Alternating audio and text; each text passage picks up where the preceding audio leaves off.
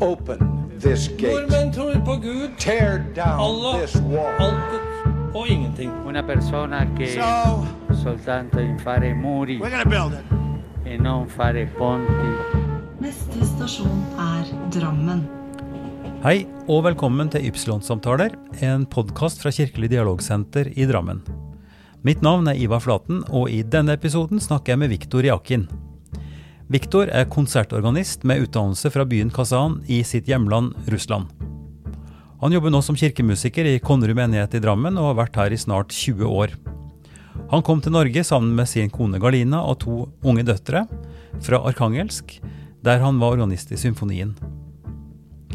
I Russland er orgelkonserter ettertrakta, og Viktor samler fulle hus når han turnerer. Viktor forteller i denne samtalen om sin oppvekst og utdannelse, og hvorfor han kom til Norge og etter hvert til Drammen. Han har som alle andre innvandrere sterke bånd til hjemlandet sitt.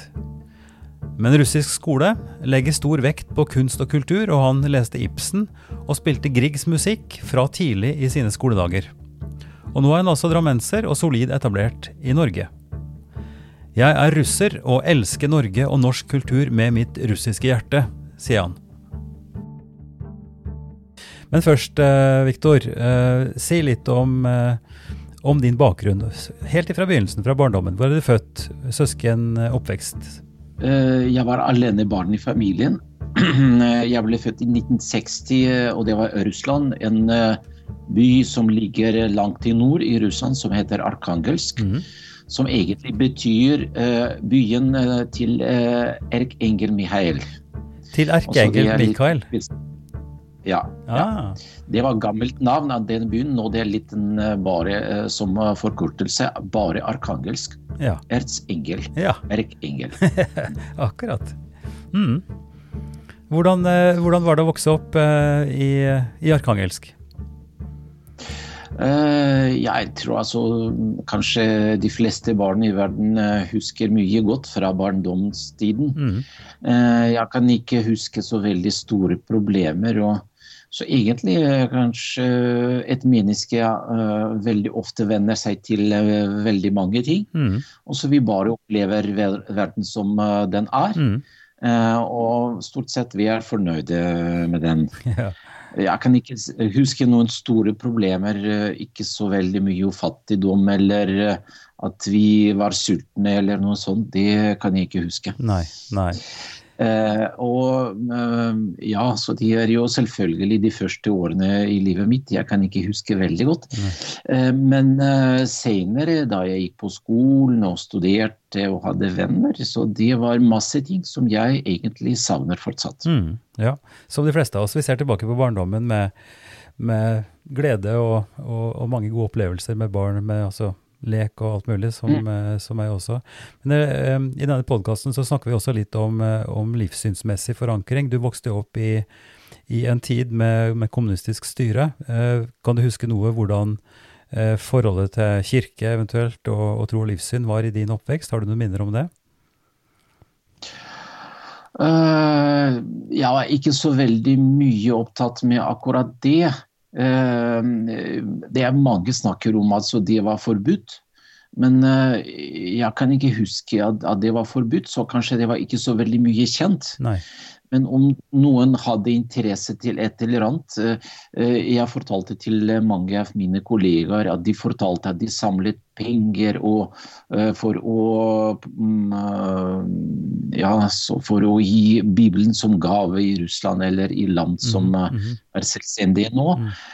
Og mm, for meg det var alltid litt, litt overraskende, fordi jeg bare husker da jeg var student og begynte å høre litt mer nøye på Matteus passion og Johannes passion. Eh, og da kunne jeg ikke så veldig Jeg kunne ikke tysk i det hele tatt.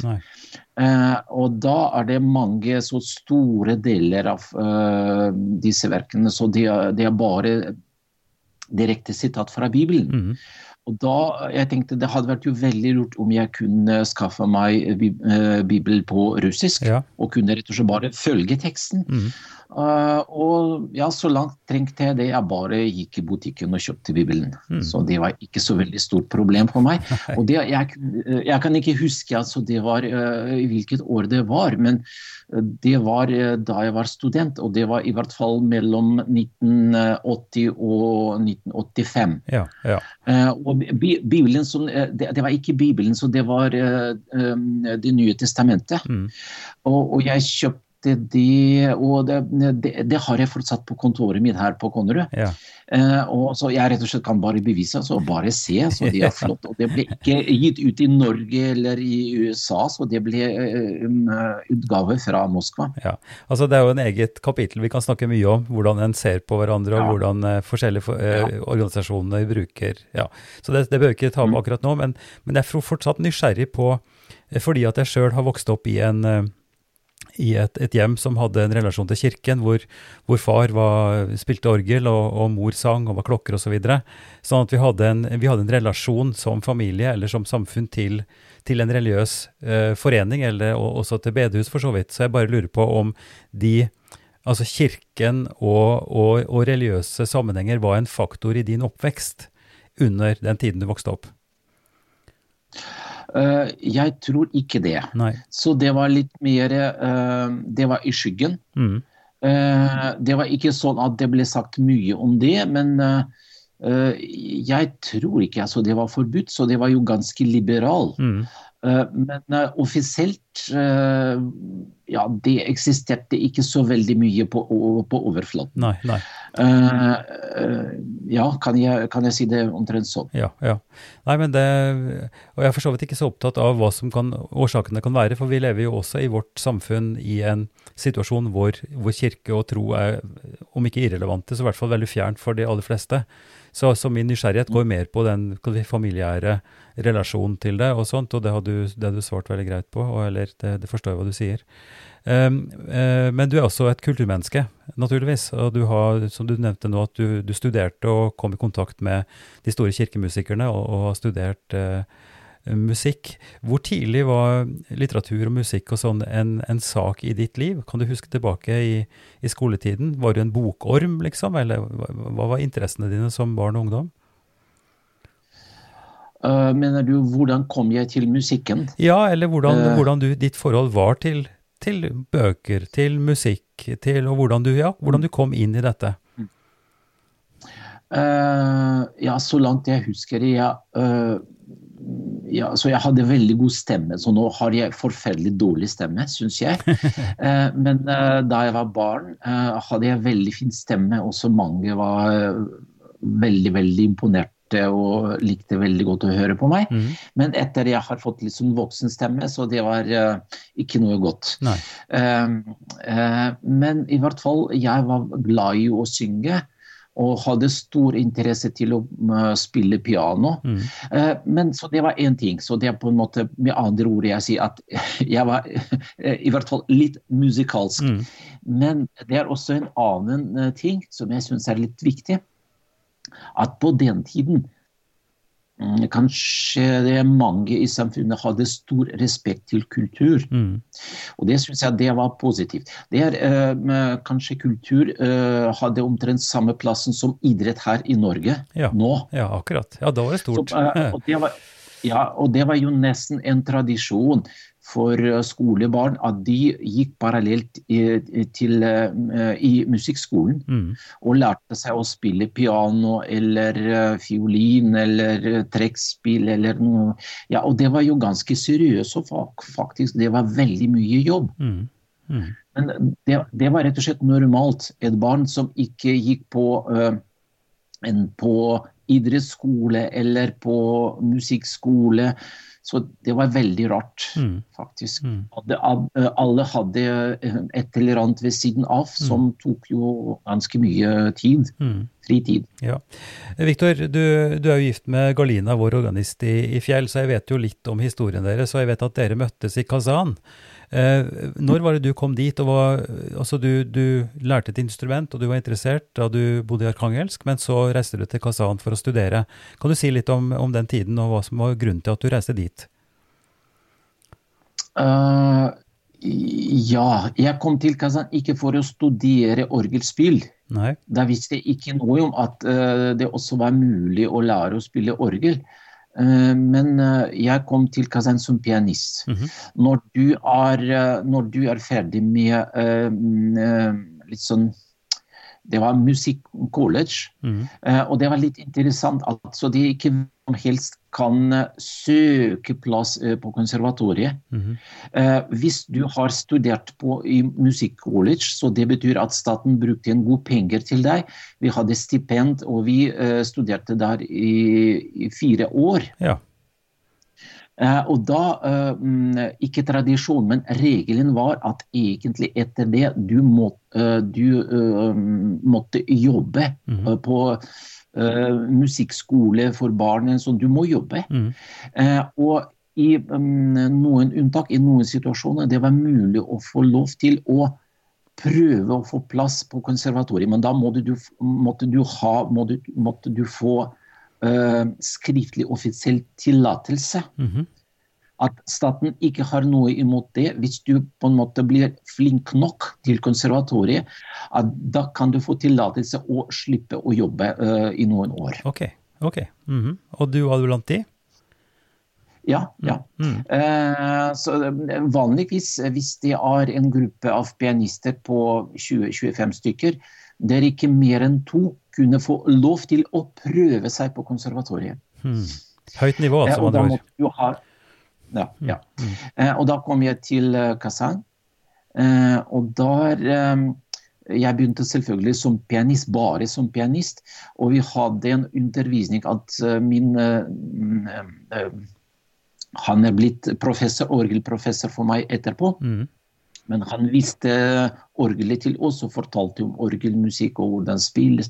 Og han sa ja, du, kanskje noen av dere får lov til å studere og prøve å spille litt orgel. Mhm. Men jeg trodde at jeg ikke hadde noen sjanser til det. Men uh, det er blitt slik at uh, jeg har fått Han rett og slett uh, Det var en morsom historie. Det var en kamerat av meg som var organist. Og han inviterte meg til å høre på organisteksamen. Mhm. Og jeg kom, og det var ikke så veldig mange studenter som spilte, kanskje to eller tre. Mhm. Eh, og jeg var bare en eneste person som kom som publikum. Eh, og etter eksamen jeg bare gikk uh, ut og fant uh, et rom hvor jeg kunne øve litt grann på flygelet. Mhm. Eh, og um, min professor, som, er, som ble min professor senere, Mhm. Han bare gikk hjem og helt automatisk mm, kastet blikk i hva skjedde i rommet hans. Mm. Og, og det var meg. Mm. Og han kom tilbake og spurte ja, kanskje du har interesse til å spille orgel og sånn. Jeg sier ja, selvfølgelig, jeg har stor interesse, men jeg tror ikke Det er så mange som har interesse at jeg ikke har eh, noen sjanse til det. Han sa bare skriv søknaden, jeg sørger for, for resten. og da har jeg plass. Nydelig, veldig bra. Ok, altså Din orgelhistorie er jo en sak for seg, og det må vi komme tilbake til. Men jeg har lyst til å, å spørre litt om stedet Kazan, for det er jo veldig forskjellig fra Arkangelsk, vil jeg tro. Um, Ja. og, og så vidt jeg har forstått også, så er det en by som er, om ikke sånn som Drammen, men i samme målestokk, veldig blandet, med mange, mange forskjellige eh, kulturer og sånt. Hvordan møtte du, og hvordan opplevde du å komme til Kazan, altså ut ifra endringen fra Arkangelsk og det miljøet der? Uh, arkangelsk uh, Ja, altså om jeg kunne prøve å forklare det veldig kort, uh, så da kunne jeg si Arkangelsk det er en gammel russisk by. Mm. Eh, og hvis vi snakker om andre byer i Nord-Russland, så f.eks. Uh, Murmansk, Mm. da skulle jeg si at det er uh, sovjetisk by. Så det er ikke så veldig gammel. Så det er Ja, selvfølgelig, det var noe der for mange år siden også, Mm. men som en by. Men Kazan, det er noe spesielt. Det er først og fremst det er en kjempestor by, så det er eh, godt over en million eh, innbyggere der. Mm. Ligger ved Volga, Mm. og det er hovedstad i Tatarstan. Mhm. Eh, og det er samtidig eh, hovedstad for Tatarstan. Det er islamsk eh, by Mm. og islamsk stat inne i Russland. Nettopp. Eh, og samtidig det er også en russisk, rus, russisk by. Mm. Eh, og jeg kan ikke si altså disse kulturene er blandet. De eksisterer parallelt. Mm. Eh, eh, og du kan rett og slett snakke om Kazan som en eh, russisk by. Mm. Og du kan snakke om Kazan som en tatarsk by. Mhm. Eh, og det var en gang at jeg var på Vi, hadde, vi måtte hjelpe til folk på landet. Og da ble vi sendt, så det var et eller annet som var vanskelig, og da vi studenter måtte hjelpe litt. Mhm. Eh, og da bodde jeg hos en gammel dame på landet i Tatarstan, -hmm. og som egentlig kunne veldig knapp eh, russisk. -hmm. Og kanskje for mange det eh, kunne bety at hun ikke var litt sånn intelligent nok, eller noe sånt. Men den dama kunne klare å skrive dikt på arabisk. Ha. Ha. Ja. Mm. Ja, Så det er jo veldig interessant. Så det er eh, noen dimensjoner kanskje er ikke så veldig lett å, eh, å sette sammen eller å sammenligne. Så det er litt sånn forskjellig verden. Ja. Og det var veldig interessant å, mm, å se hvordan disse to forskjellige verden eh, eksisterer veldig godt Ja. i Kazan. Ja. Og det var veldig interessant å, mm, å se hvordan disse to forskjellige verden eh, eksisterer veldig godt i Kazan. Du lytter nå til Ypsilon-samtaler, en podkast fra Kirkelig dialogsenter. I denne episoden snakker jeg med Viktor Riakin. Men du sier at det er altså en, i utgangspunktet både en islamsk, altså tatarsk, Ja. kultur, som også er, samtidig er gammel russisk kultur, og som da har en lang tradisjon for et, for et samliv. Du sa det var parallelle kulturer, men også kanskje kan man si at de var eh, blandet på et vis. Slik at begge, begge var avslappet og var vant til at dette var greit. Um, Mm. Og det opplevde du også. Det måtte være fremmed eller interessant for deg å komme uh, inn i et sånt samfunn som da var ganske forskjellig fra arkangelsk. Eh, eh, konservatoriet, så det er litt spesielt sted. Så det er jo Jeg tror ikke at eh, studiet på, i konservatoriet var veldig mye preget av uh, spesielt tatarske og islamske tradisjoner. Nei. Jeg kan ikke huske noe sånt. Nei. Men det var noen fag som, uh, hvor det ble tatt litt mer fokus på uh, tatarsk musikk. Mm. Eh, og vi kanskje, de som vi eh, var studenter kanskje vi måtte ha noe peiling om det òg. Mm. Eh, men ellers så det, jo, det var jo ganske klassisk. Ja. Eh, helt tradisjonell eh, utdannelse og litt sånn høyklassisk kultur. ja, jeg forstår. Eh, Så, så din erfaring av å være student i Kazan var ikke veldig mye Du hadde ikke veldig mye erfaring med å møte den tatarske kulturen? Eh, I og med at ditt fag var, var, var liksom veldig klassisk eh, innenfor den vestlige, eh, eller si altså den, den tradisjonelle klassiske kulturen. Men jeg er nysgjerrig, som du forstår, på i hvilken grad de impulsene du fikk der, både for din egen tenkning og ditt eget liv, hva, hva du fikk med deg liksom, av erfaringer, positivt. Eh, vi hadde mange venner, eh, venner der som eh, var tatarer. Mm. Noen, av dem snakket, jeg kan ikke si gebroken, men litt med aksent. Mm. Det syns jeg det var veldig sjarmerende. Og Det var ikke noe tvil hvordan de så ut og hvordan de snakket. Vi hadde en, jeg hadde en venn. Eh, han er død, dessverre. Eh, vi bodde sammen på ett rom, så vi var eh, noen ganger ja, Det var ikke så mm, avansert på, i, i denne tiden. Nei. Vi bodde minst fire personer på ett rom. Mm. Og så det var en periode at vi var fem. Og en av dem han var fra et, en liten, liten bitte liten tatarsk by på landet. Mm. Men han var jo veldig snill og omsorgsfull. og eh, etter han var hjemme, han kom med masse mat fra landet. og Mm. ja, rett og slett så alt det var ikke, ikke i utdannelse, men det var veldig mye i lufta. Ja, ja. Eh, operateater, det var klassiske opera av Verdi, Puccini og Tsjajkovskij.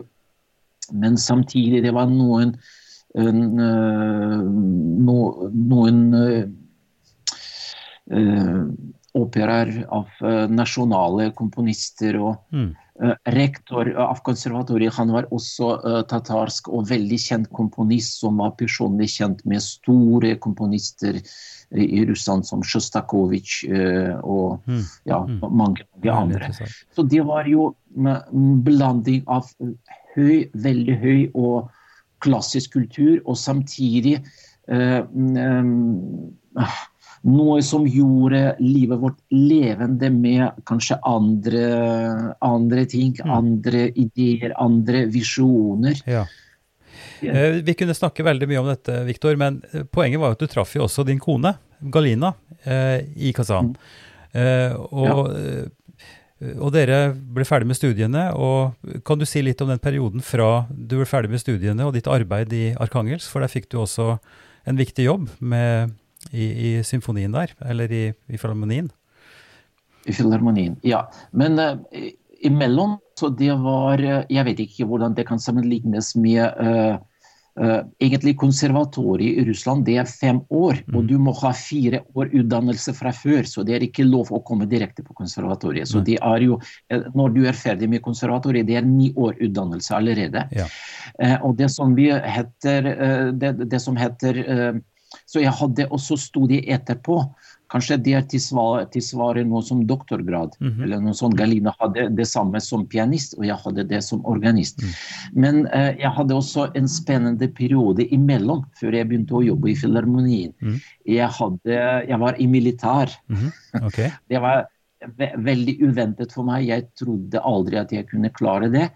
Men eh, ja, som jeg sa i starten, eh, som eh, et menneske kanskje kan venne seg nesten til alt. Mm. Så da hadde jeg halvannet år i militær.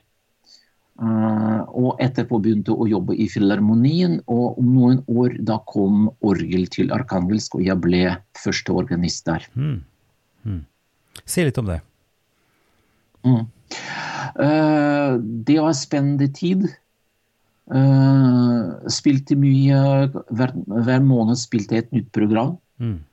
Uh, så da øvde masse, sov lite. Mm. Uh, ja, så det er jo Å kanskje klare den måten å leve på. Så det i løpet av et år kanskje det går an. Men to år det kan være allerede problematisk. Ja.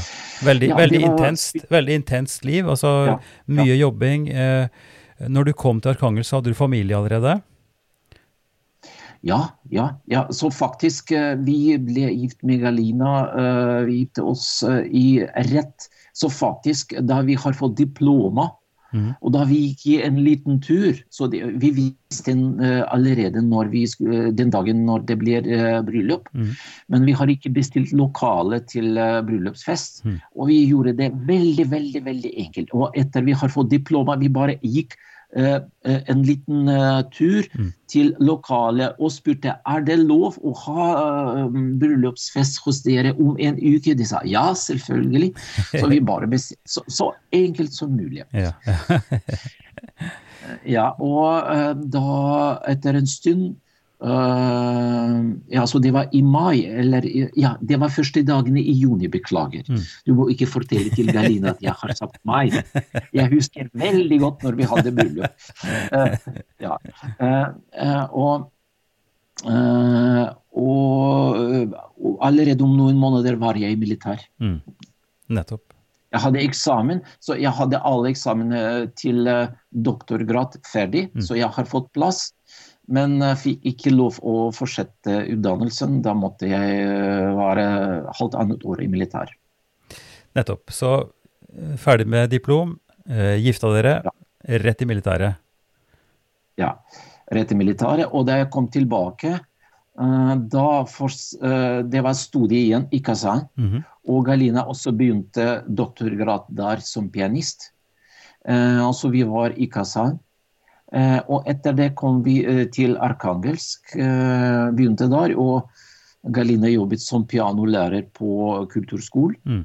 Og jeg begynte som pianist i filharmonien fordi på den tiden orgelet ikke var på plass enda. Mm. Mm. Og det var mange rare konserter og det som jeg fortsatt Akkurat den perioden like eh, Det er ikke så gjerne jeg tenker tilbake på den tiden. Men når du, når du da fikk orgelet og ble organist, så eh, Mm. altså I Norge så har vi jo en tradisjon med at orgelet er veldig eh, viktig i kirken. Altså Folk flest vil jo kanskje nesten tenke at orgel og kirke er det samme. Så har vi så klart også filharmoniske orgler i store konsertsaler i Norge. Men hos deg i Arkangelsk så var orgelet et instrument som ble brukt som et type soloinstrument i store konserter. Eh, og at Ja. du også da ble etter hvert, og det må man kunne si med stolthet både for oss med vennene dine og for deg selv sikkert, at du ble en av, eh, og er en av eh, Russlands fremste organister og har store konserter. Så si litt om den utviklingen fra du kom dit og, og til du ble på en måte turnerende organist og, og sånn, og så må vi snart over til da dere kom til Norge. Det er også veldig interessant å snakke om. Eh, ja, på den tiden da jeg begynte som organist, eh, eh, systemet som eksisterte før i Sovjetunionen, Mm. de rett og slett bare gikk i stykker. Eh, mm, det som skjedde, så før det er staten som var hovedarrangør for, for musikerne. Mm.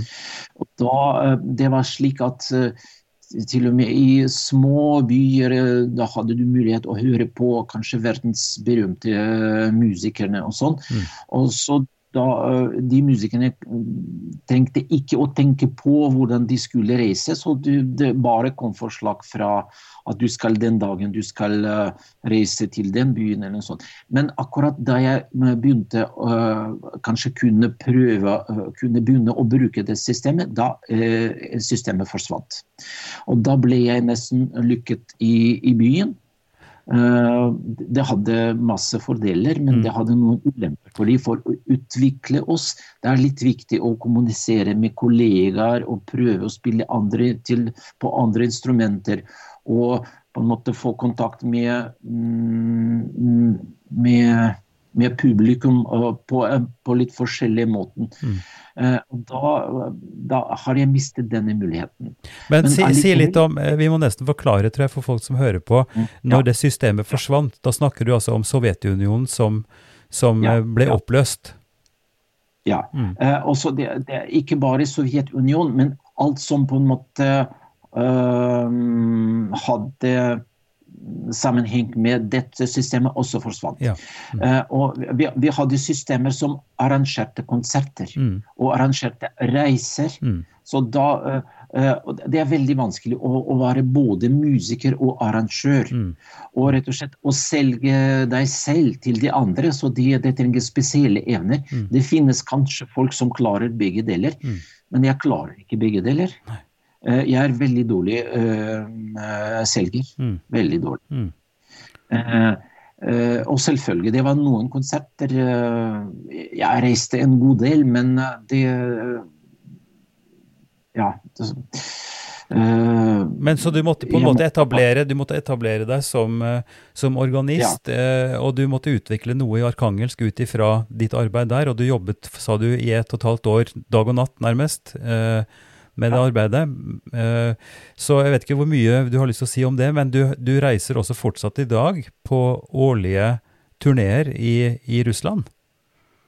Ja, eh, men det er ikke så veldig mye. Fordi nå det er slik at eh, Jeg vet ikke, kanskje jeg forstår situasjonen litt, litt feil, men det er veldig ofte Hvis du trenger en konsert, så da må du komme i kontakt med noen personer. Eh, og da er det veldig ofte denne personen tenker ikke bare på det eh, om du er god musiker eller ikke så veldig god. Så det, det er viktig nok. Men de også tenker eh, hva kan du være behjelpelig med for dem? Mm -hmm. Mm -hmm. Uh, og akkurat på den fronten, jeg må bare si jeg er veldig svak. og derfor jeg bare bestemte meg. Det er noen byer eh, som eh, er veldig glad i meg. Mm. Så da besøker jeg disse eh, byene og sørger ikke på å skaffe meg mer konserter. Jeg reiser veldig mye til Arkangelsk, hvor jeg kom fra. Og det er jo, gir meg, masse inspirasjon, fordi uh, vanligvis en uke før jeg kommer, så alle billettene er utsolgt. Mm. Mm. Uh, altså det er mer vanlig å se at det uh, brukes ekstra stoler i midtgangen Mm. under konserten. Mm. Og vi var en gang der i Arkangelsk med Anders Dahl. -hmm. Organisten i Bragernes. I, Bragenes, ja. Eh, og han opplevde det samme, så det er jo nesten Det er inspirerende, og litt skummelt å se så masse folk. som på, på en popkonsert. Ja, nettopp, nettopp. Litt uvant i forhold til orgelkonserter i Norge, kan man si. Ja. Du lytter nå til Ypsilon-samtaler, en podkast fra Kirkelig dialogsenter. I denne episoden snakker jeg med Viktor Riakin. Men eh, la oss, la oss eh, eh, parkere den litt, for nå har jeg lyst til å Tida går veldig fort når vi snakker sammen. Eh, hva var grunnen til at eh, du og Galina og familien eh, begynte å orientere dere mot Norge? Hva var forutsetningen og anledningen for det, og hvordan var det å komme til Norge? Hva skjedde da? Uh, ja, så det er flere grunner, så det er litt vanskelig å si hvilken grunn var kanskje mest uh, viktig for oss. Uh, og kanskje det er noen grunner som jeg ikke vil snakke noe om. Mm, ja. Kanskje det, det har ikke så veldig stor betydning. Eh, så det er mine litt sånn personlige grunner til det. Ja. Uh, men uh, jeg kan si det sånn at eh, jeg hadde det på følelsen at eh, det som jeg nevnte, systemet som kunne gi meg muligheter til utvikling, Mm, eh, gikk i stykker. ja. Ja. Eh, og da jeg hadde det på følelsen at jeg ble nesten stengt i en by, Mm, eh, og måtte, måtte tilpasse meg til situasjonen som egentlig etter min mening ikke hadde noen så stor perspektiv. mm, Jeg kan ikke si at vi eh, var sultne eller noe sånt. Vi hadde det ja, jeg kan ikke si det er veldig bra, men eh, ganske greit. Mm. Så de, vi er voksne mennesker, så vi, eh, vi egentlig kan vende oss til nesten hva som helst. Mm. Men det viktigste var at jeg, var litt under 40 år gammel. mm, Det var litt tidlig for meg bare å si OK, så da er det stedet hvor jeg kan prøve å gjøre komfortabelt for meg. og eh, Jeg egentlig tenkte å gå litt videre og prøve å utvikle meg, mm. men akkurat det, det var jo kjempevanskelig. Eh, og samtidig eh, systemet jeg snakker ikke om eh, staten, men rett og slett lokale systemer nesten sendte signaler til meg. Viser du respekt uh, til meg, Mm. da får du kanskje litt større uh, livet, uh, livet, eh, mm, eh, litt større plass. Hvis du begynner å bli, eh, sette noen eh, kanskje spørsmål sånn, da vi får se. Fordi det er vi som har kontroll over mange ting her. akkurat. Og så, eh, ja, om du, om du klarer uh, kanskje Om du finner noen andre alternativer, vær så god, du kan godt prøve det. Ja. Og da jeg tenkte, ja, kanskje da må jeg prøve å finne noen alternativer allikevel. ja, ja. Og det gjorde du. Det gjorde jeg. Ja. Så da kom dere til Nord-Norge. Ja. Eh, kan du si bare kort om det? Hvordan det var? Å komme til et nytt land og etablere seg i et eh, språksystem som dere ikke kunne. Nytt landskap, helt andre størrelser på Ja, i det hele tatt. Ja, ja, så det var både ja, jeg, kan, jeg kan beskrive den på den måten at det var både fantastisk inspirerende og grusomt. Ja, nettopp. På den måten at det er alt sammen. At eh, det, du, du vet at det, det skjer ting, og du vet ikke hva som skjer. Nei. At det skjer, og det er masse. Du må klare å, å takle situasjonen og finne deg inn uh, kanskje et, uh, på et nytt sted i en ny situasjon, og som du ikke vet noe i det hele tatt uh, om. Eh, jeg, jeg reiste til Meløy, så det var i Nordland. Meløy. Meløy, Mm. det, det er Svartisten. Ja. Svarti, det er der. Ja. Jeg har aldri vært der. Så bare tenk, jeg reiste fra Arkangelsk på jobb til eh, Norge i Meløy uten å, uh, uten å være der i, uh, ikke en eneste gang. Nei. Jeg hadde ingen peiling. Var det et sjokk, eller hvordan var det? Uh, nei, så det er ja, ja, så det, er, det, det- var veldig spennende. Veldig spennende. Men det var faktisk ikke så vanskelig som jeg trodde. Mm. Eh, jeg møtte masse snille og åpne mennesker, og alle vet at så i Nord-Norge, på, på små steder, så det er folk er så åpne at eh, Eh, ja, det var fantastisk. Jeg tror at våre barn har nesten fått uh, norsk bestefar og bestemor. Mm. Eh, og masse venner, og vi har fått eh, til og med mens vi var i Arkangelsk, rektor på skolen sendte e-post til oss at eh, vi fikk vite at du kommer og begynner hos oss snart uh, i, i Meløy, og at du har barn, og uh, din eldste datter skal gå på skolen til oss. Og vi begynte å tenke allerede hva kan vi gjøre uh, for henne at hun skulle trives hos oss? Det var jo såpass rørende, og det var jo helt fantastisk. Mm. Mm. Så du fikk jobb Ja. som organist? Ja. ja. Mm. Eh, og jeg syns at for organist det er meget viktig uh, forhold mellom orgel og kirke. Så det, vi kan snakke om forskjellige ting. Noen kan si nei, så orgel ja, så det er bare instrument som brukes i kirken. Eh, jeg, jeg tenker ikke sånn. Nei. Selvfølgelig. eh, Det er to forskjellige historier på en måte. Mm. Det er orgelhistorie og kristendomshistorie. Så det er ikke absolutt det samme. Men det var så mye sammen Mm. At de er next, nesten eh, Når du ser på eh, orgelmusikk og orgelhistorie, du kan ikke forstå masse ting uten å forstå at det hørte til kirken. Mm. Og selv om mange fantastiske orgelstykker ikke kan brukes under gudstjenester fordi det er for vanskelig, for lange eller eh, Ja, men allikevel.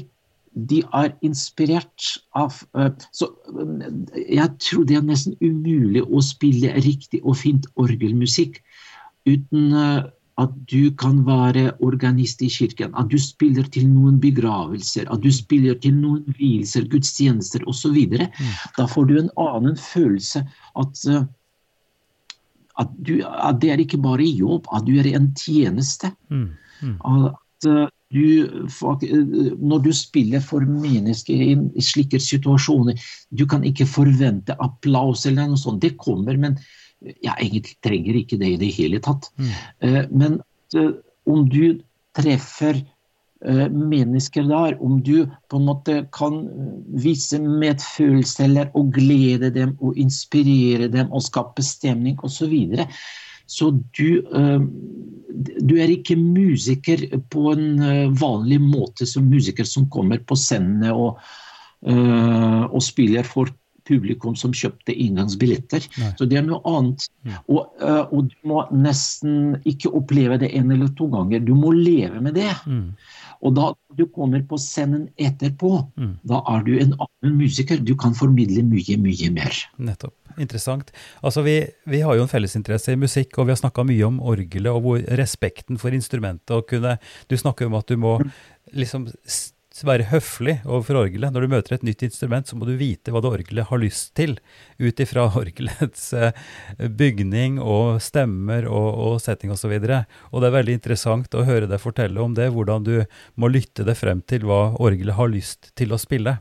Og du har spilt på så utrolig mange orgler. Du har jo ikke sagt noe om det, men du har vært rundt i Europa og spilt. ikke sant? Du har, du har spilt på de store orglene i, ja, rundt omkring.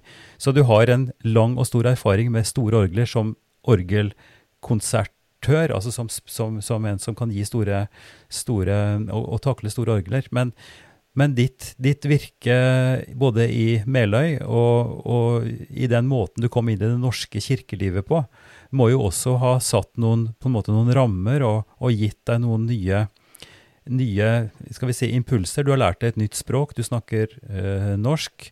Eh, kona di, altså Galina, har måttet tilpasse seg. Hun var først i barnehage og jobba der, ikke sant. Døtrene dine. Eh, så, så kanskje vi skulle si litt om eh, Jeg tror ikke vi kan gå så veldig mye mer inn i det musiske og det musikalske, men jeg har lyst til å, å snakke litt mer om hvordan bevegelsen deres fra, Mor, fra Murmansk og eh, Arkangelsk, unnskyld, Arkangelsk og så til Meløy, hvor dere ble godt tatt imot, hvor dere var lenge, hvor dere følte at dere ble en del av samfunnet, og så kom det en telefon fra Drammen, eller dere søkte kanskje til og med til Drammen. Hva, hva, si noe kort om det, den bevegelsen fra Meløy og til Drammen, for nå må vi komme til Drammen snart. Eh, Ja, så det, det var litt interessant. Jeg hadde en venn i Russland, og jeg, øh, jeg har øh, han fortsatt. Mm. Men akkurat på den tiden han var øh, litt bekymret for, fremt, på, ja, for fremtiden. Mhm. Og han spurte meg ja, kanskje det også kan være lurt for meg. Han er stor musiker, og han spurte meg ja, kanskje du kan prøve å finne jobb for meg i Norge òg. Mhm. Og da begynte jeg å lette etter eh, jobb eh, for han. Mm. Og da har jeg oppdaget følgende, at det var mange steder hvor det, eh, mm, det trengtes to organister, men eh, det var ikke fulle stillinger. Mhm. Og det passet ikke for han i det hele tatt, fordi eh, på den tiden det var viktig at han skulle få full stilling. Mm. Det passet ikke for han, men jeg begynte å se litt på forskjellige stillinger. Eh, Det var ikke noe mm, plan for oss å flytte fra Meløy, fordi vi trivdes der. Så det var noe som vi var veldig fornøyde med, noe som vi var mindre fornøyde med. Men egentlig vi hadde tenkt å være der jo ganske lenge.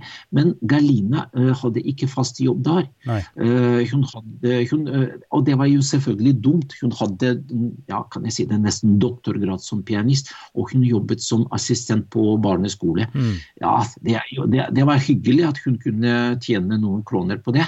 Men uh, å, å ha den følelsen at hun ikke bruker erfaring fra før, ja. det er ja, ikke særlig god følelse. Mm.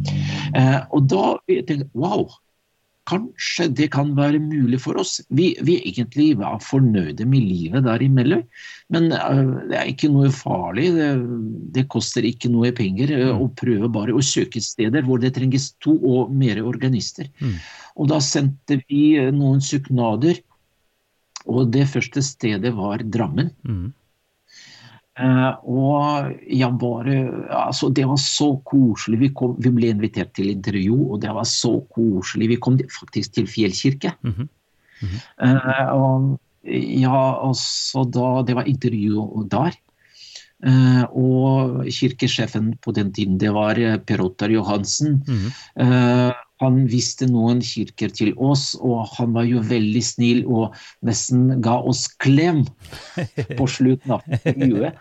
Sa at, eh, at eh, det var litt kanskje for tidlig å si at vi skulle få disse stillingene, men at han nesten mener det, og at han håper at vi kommer til å si ja. Mhm. Og det, det har vi gjort uh, veldig, veldig, veldig gjerne. Mm. Ja. uh, og barna våre uh, på den tiden der, så de var hos norske bestefar og bestemor og sa ja, det, dere kan bare være der i Drammen så lenge dere vil. Det, vi har det så bra. Så de tenkte å bli hos besteforeldrene sine i Meløy? ja. Men de måtte flytte etter. Det var ikke sånn. Ja, men det, det, det var ikke sånn at vi eh, tenkte at vi kanskje kunne starte på et lite sted, og etterpå vi kommer litt sånn eh, høyere og og- Nei, men det var ikke det. Så egentlig vi trivdes der, og vi tenkte ja, det er noe kanskje som var veldig bra, noe som var ikke så bra. Men i utgangspunktet vi virkelig vurderte å, å være der my, mye lengre. Mm. Vi faktisk vurderte å kjøpe hus Mm. Eh, da. Mm. Men dere kom til Drammen, og her har dere blitt. Mm. Du lytter nå til Ypsilon-samtaler, en podkast fra Kirkelig dialogsenter. I denne episoden snakker jeg med Viktor Riakin. Når, når, eh, hvilket år var det dere kom hit? Det var i 2003. Ja, nettopp. nettopp. Og du fikk da jobb i skoger I skoger. og Galina i fjell. Ja. Mm. ja. Og så har tiden gått, og dere har fått, dere har fått litt andre oppgaver etter hvert og sånt, eh, så nå er du organist i, i Konnerud. Og Galina fortsatt eh, i fjell, men dere gjør også tjenester generelt sett, ikke sant, i krematoriet og rundt omkring ellers. Hvordan, hvordan eh, har det vært for deg å, å komme til, til Drammen som, ja, som organist og, og som menneske også? Kan du si litt om det, hvordan det var å, å bli drammenser? For så vidt, er du blitt drammenser, eller er du fortsatt eh, er det fortsatt eh, noe annet? Hvor, hvor, hvordan er Ja. Nei, men eh, det spørs om hva du mener med Ja, det. Så ja. jeg bor i Drammen, eh, Ja. så, og derfor er jeg drammenser. Nettopp. Men Ja, sånn er det med meg òg. Ja, nei, men eh, jeg vet ikke om det er eh, kanskje andre kriterier til det. Så da er det om jeg oppfyller disse kriteriene. Det, det vet jeg ikke. Nei, det må andre stille spørsmål om, det, det er uklart. Men, men vi er drammensere begge to, for vi bor her i Drammen, og jeg tror vi er begge så ganske glad i, i byen blitt. Ja. Mm. Uh, det var veldig spennende. Det, det beste som jeg eh, Det som jeg likte mest her Mm. eh, Der i, i Meløy, det var veldig bra, men noen ganger jeg hadde på følelsen at min utdannelse og min erfaring, det, det er kanskje ikke det som eh, trenges mest. Mm. Så det er jo det, er, Jeg kan ikke si at det, det er ingen kritikk eller, eller noe sånt at uh, Så noen ganger om du profesjon, profesjonellmessig er du litt bedre eller litt dårlig. ja, altså, det spiller ingen rolle om du finner riktige tangenter, så da er det greit. eh, og, så, eh, eh, og her så faktisk det som jeg opplevde at min uh, utdannelse og min erfaring ble brukt. Mm. Jeg uh, hadde det god følelse at uh, det er mange som eh, på en måte visste til meg at de eh, eh, setter pris på det. Mm. Uh, og, og det er viktig. Uh, å ha noen ideer og ha noen ressurser og, og føle at uh, noen kan bruke de. Mm. Ja. Mm. Men det, det er jo ingen kritikk, det er ingen kritikk, men på landet så noen ganger det brukes andre kriterier. Ja. Det er kanskje litt vanskelig å beskrive, men jeg, eh, så her i Drammen jeg har det på følelsen at jeg, jeg kan bruke mine ressursene bedre.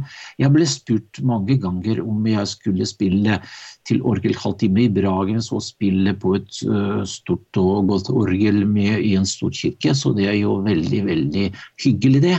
Mm. Og muligheten å snakke med øh, flinke og gode kollegaer, så det er jo også veldig veldig fint. Så det er miljø, Mm. Ja. profesjonelt miljø. Ja. Så det er det som er viktig. Vi hadde jo en veldig interessant film for noen år tilbake, der det ble spilt et stykke, men det ble spilt bitvis, slik at man spilte på alle orglene i hele Drammen. Og det er jo en veldig interessant orgelpark. altså For den som er musikalsk og orgelinteressert, så er det en ganske god samling av, av interessante instrumenter i, i byen vår også. Ja, ja, Mm. ja. Mm. Det er fine instrumenter. øh, Ja, så de er jo så faktisk øh, Det snart kommer et orgel til, til Tangen kirke, og så da har vi faktisk øh, nesten landets beste orgelpark Ja. her i Drammen. Mm. Eh, og det kunne være kanskje enda større forskjell mellom instrumentene har, men de er ganske forskjellige. Jeg kan, jeg kan si forskjellige nok. Mm. Mm.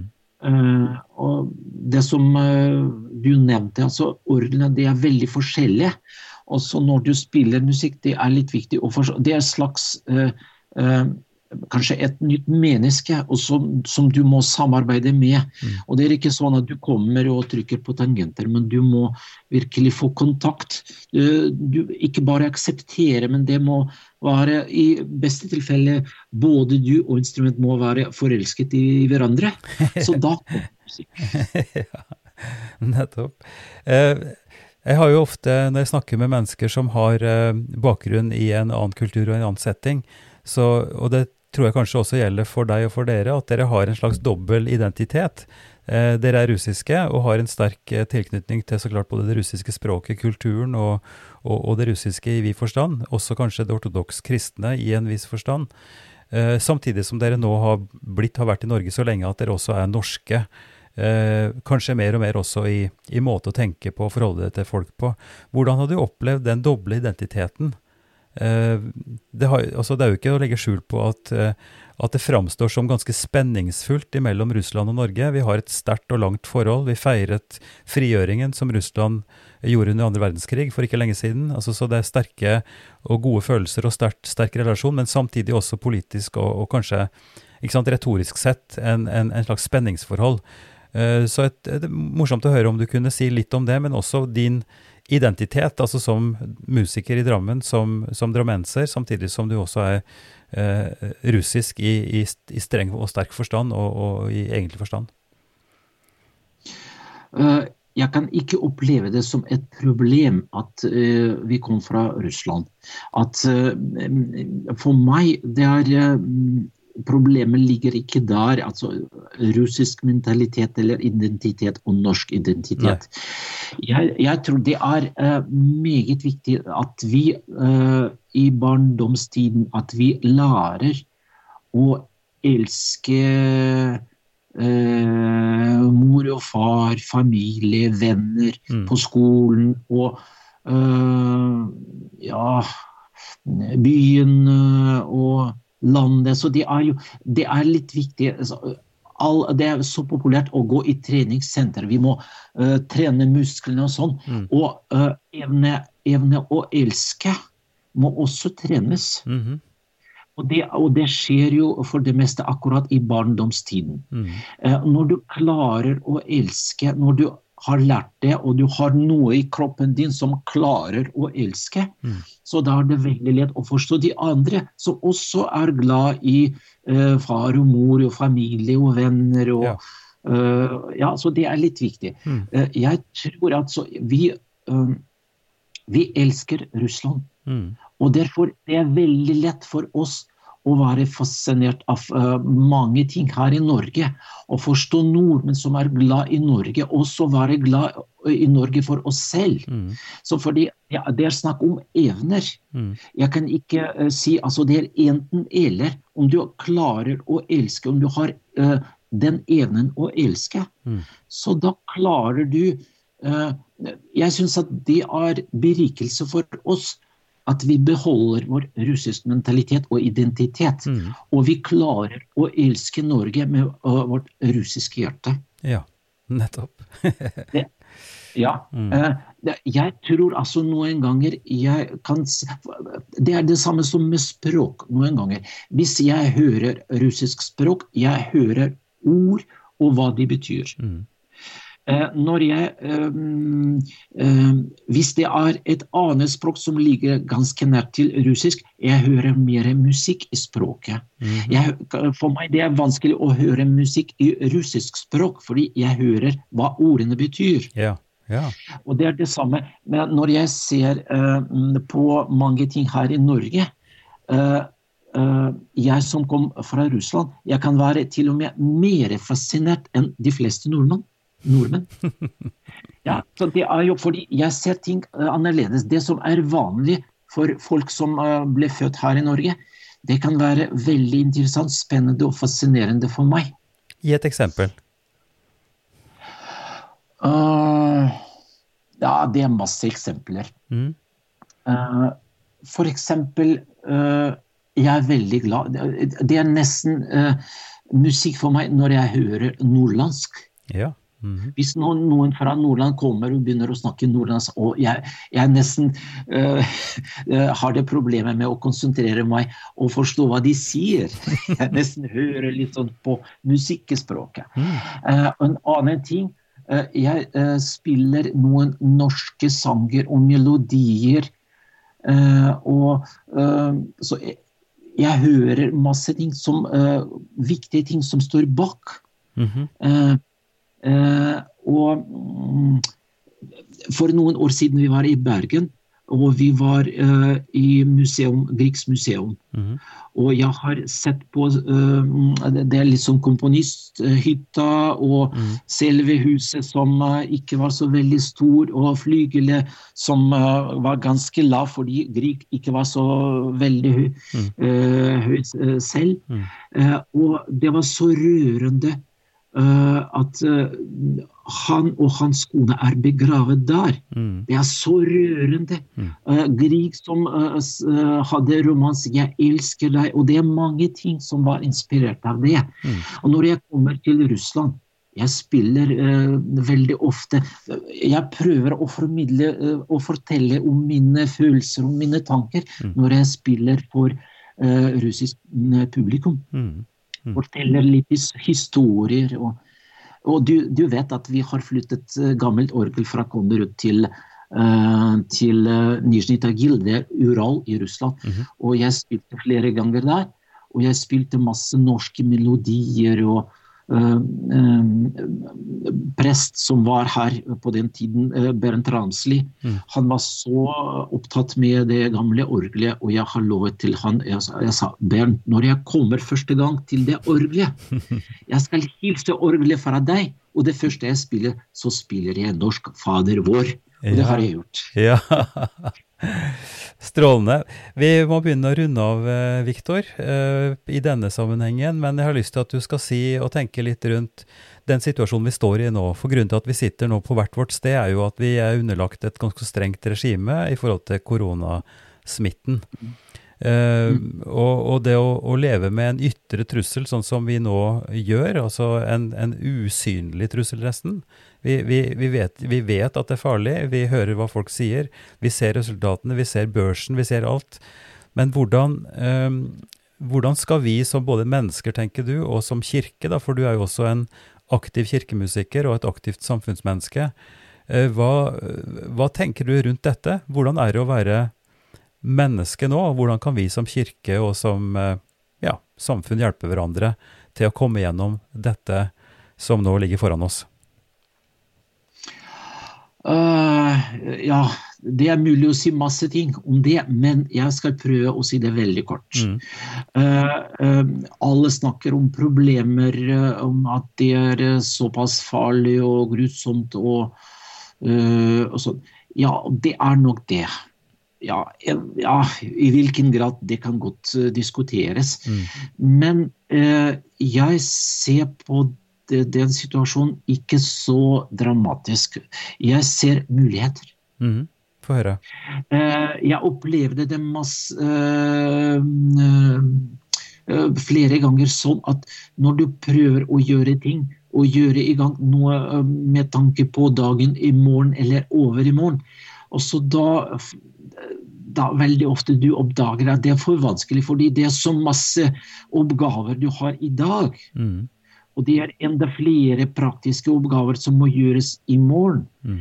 Eh, og det er jo Ja, så det, det, det er viktig, men når du tenker på disse oppgavene i litt, sånn, litt lengre perspektivet, da noen ganger du oppdager at det ikke har så veldig mye eh, betydning. noen ganger, Så det er jo dagen i dag må produsere eh, ja, nesten samme dag i morgen. Mm. Det er litt kjedelig. Mm. Og du aldri får nok kapasitet til å gjøre ting med tanke på eh, som kanskje skal realiseres etter en stund. Mhm. Så det er akkurat den tiden. Så det er som med datamaskin. Med, hvis datamaskin eh, går, du kan ikke eh, gjøre så veldig store oppdateringer. Du kan ikke rette på store feil som plager deg eh, i løpet av lang, lang tid. Men så noen ganger så det er jo stopp på en eller annen måte. Og det er jo selvfølgelig sørgelig at kanskje da måtte du avbryte jobben med spennende prosjekter og sånn og sånn, men det gir oss mulighet til å kanskje se litt skal vi oppdatere operativsystem? Skal vi endre noe? Skal vi fjerne noe? Skal vi bygge opp noe? Mhm. Fordi du, du kan ikke gjøre det mens hele svare systemet er i drift Nei. og går. Nei. Så fordi uh, det, uh, Du har det på følelsen at du kontrollerer det systemet, men det spørs om det er ikke omvendt. Kanskje Kanskje det er systemet som kontrollerer deg. Mm. Men nå, det er jo fantastisk tid til å starte opp prosjekter og tenke annerledes og spørre deg var det riktig, var det feil. Mhm. Hva som som pianist, jeg opplevde flere ganger, når du sitter og øver hver eneste dag, du på en måte det begynner å bli nesten automatisk. Du prøver å endre på ting, og du klarer ikke det. Men hvis du slutter å øve i løpet av en uke, du begynner å spille dårligere, men det er gode vaner er, forsvinner, og dårlige vaner også. Og du kan gjøre det mer fornuftig. Du kan på en måte bygge opp det gode. Mm. Det, derfor jeg syns at denne perioden gir masse muligheter, og jeg gleder meg. Jeg gleder meg til disse mulighetene. Det var det første. Det andre, det er veldig kort. Eh, at uh, Jeg er litt usikker om det var Leo Tolstoy, russisk forfatter, som sa det. Eh, men det, er ikke så viktig hvem som sa det, men det var veldig klokt. Mm -hmm. det er eh, det som vi, vi klarer å gjøre ja, vi kan snakke om problemer i verdensrom eller ganske dypt i havet, eller noe sånt, men vi kan ikke gjøre noe praktisk. Mm. I hvert fall jeg kan. Kanskje du kan. Jeg kan ikke.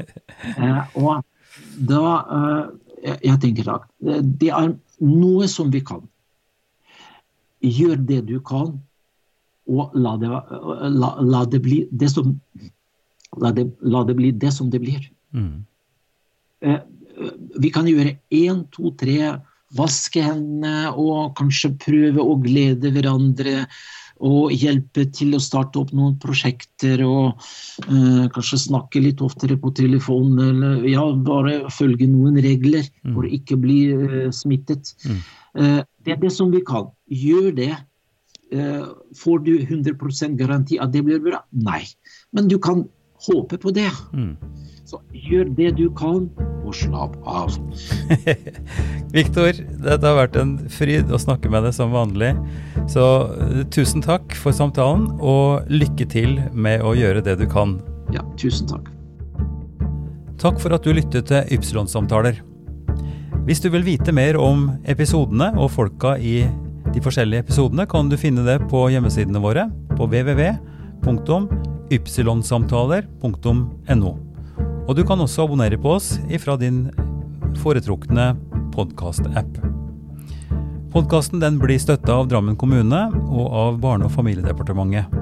Ansvarlig utgiver er Kirkelig dialogsenter Drammen ved Ivar Flaten. I neste episode har jeg en samtale med Sylo Taraku. Som ung mann kom som flyktning fra Kosovo, da det var umulig å bo der under krigene som var på midten av 90-tallet.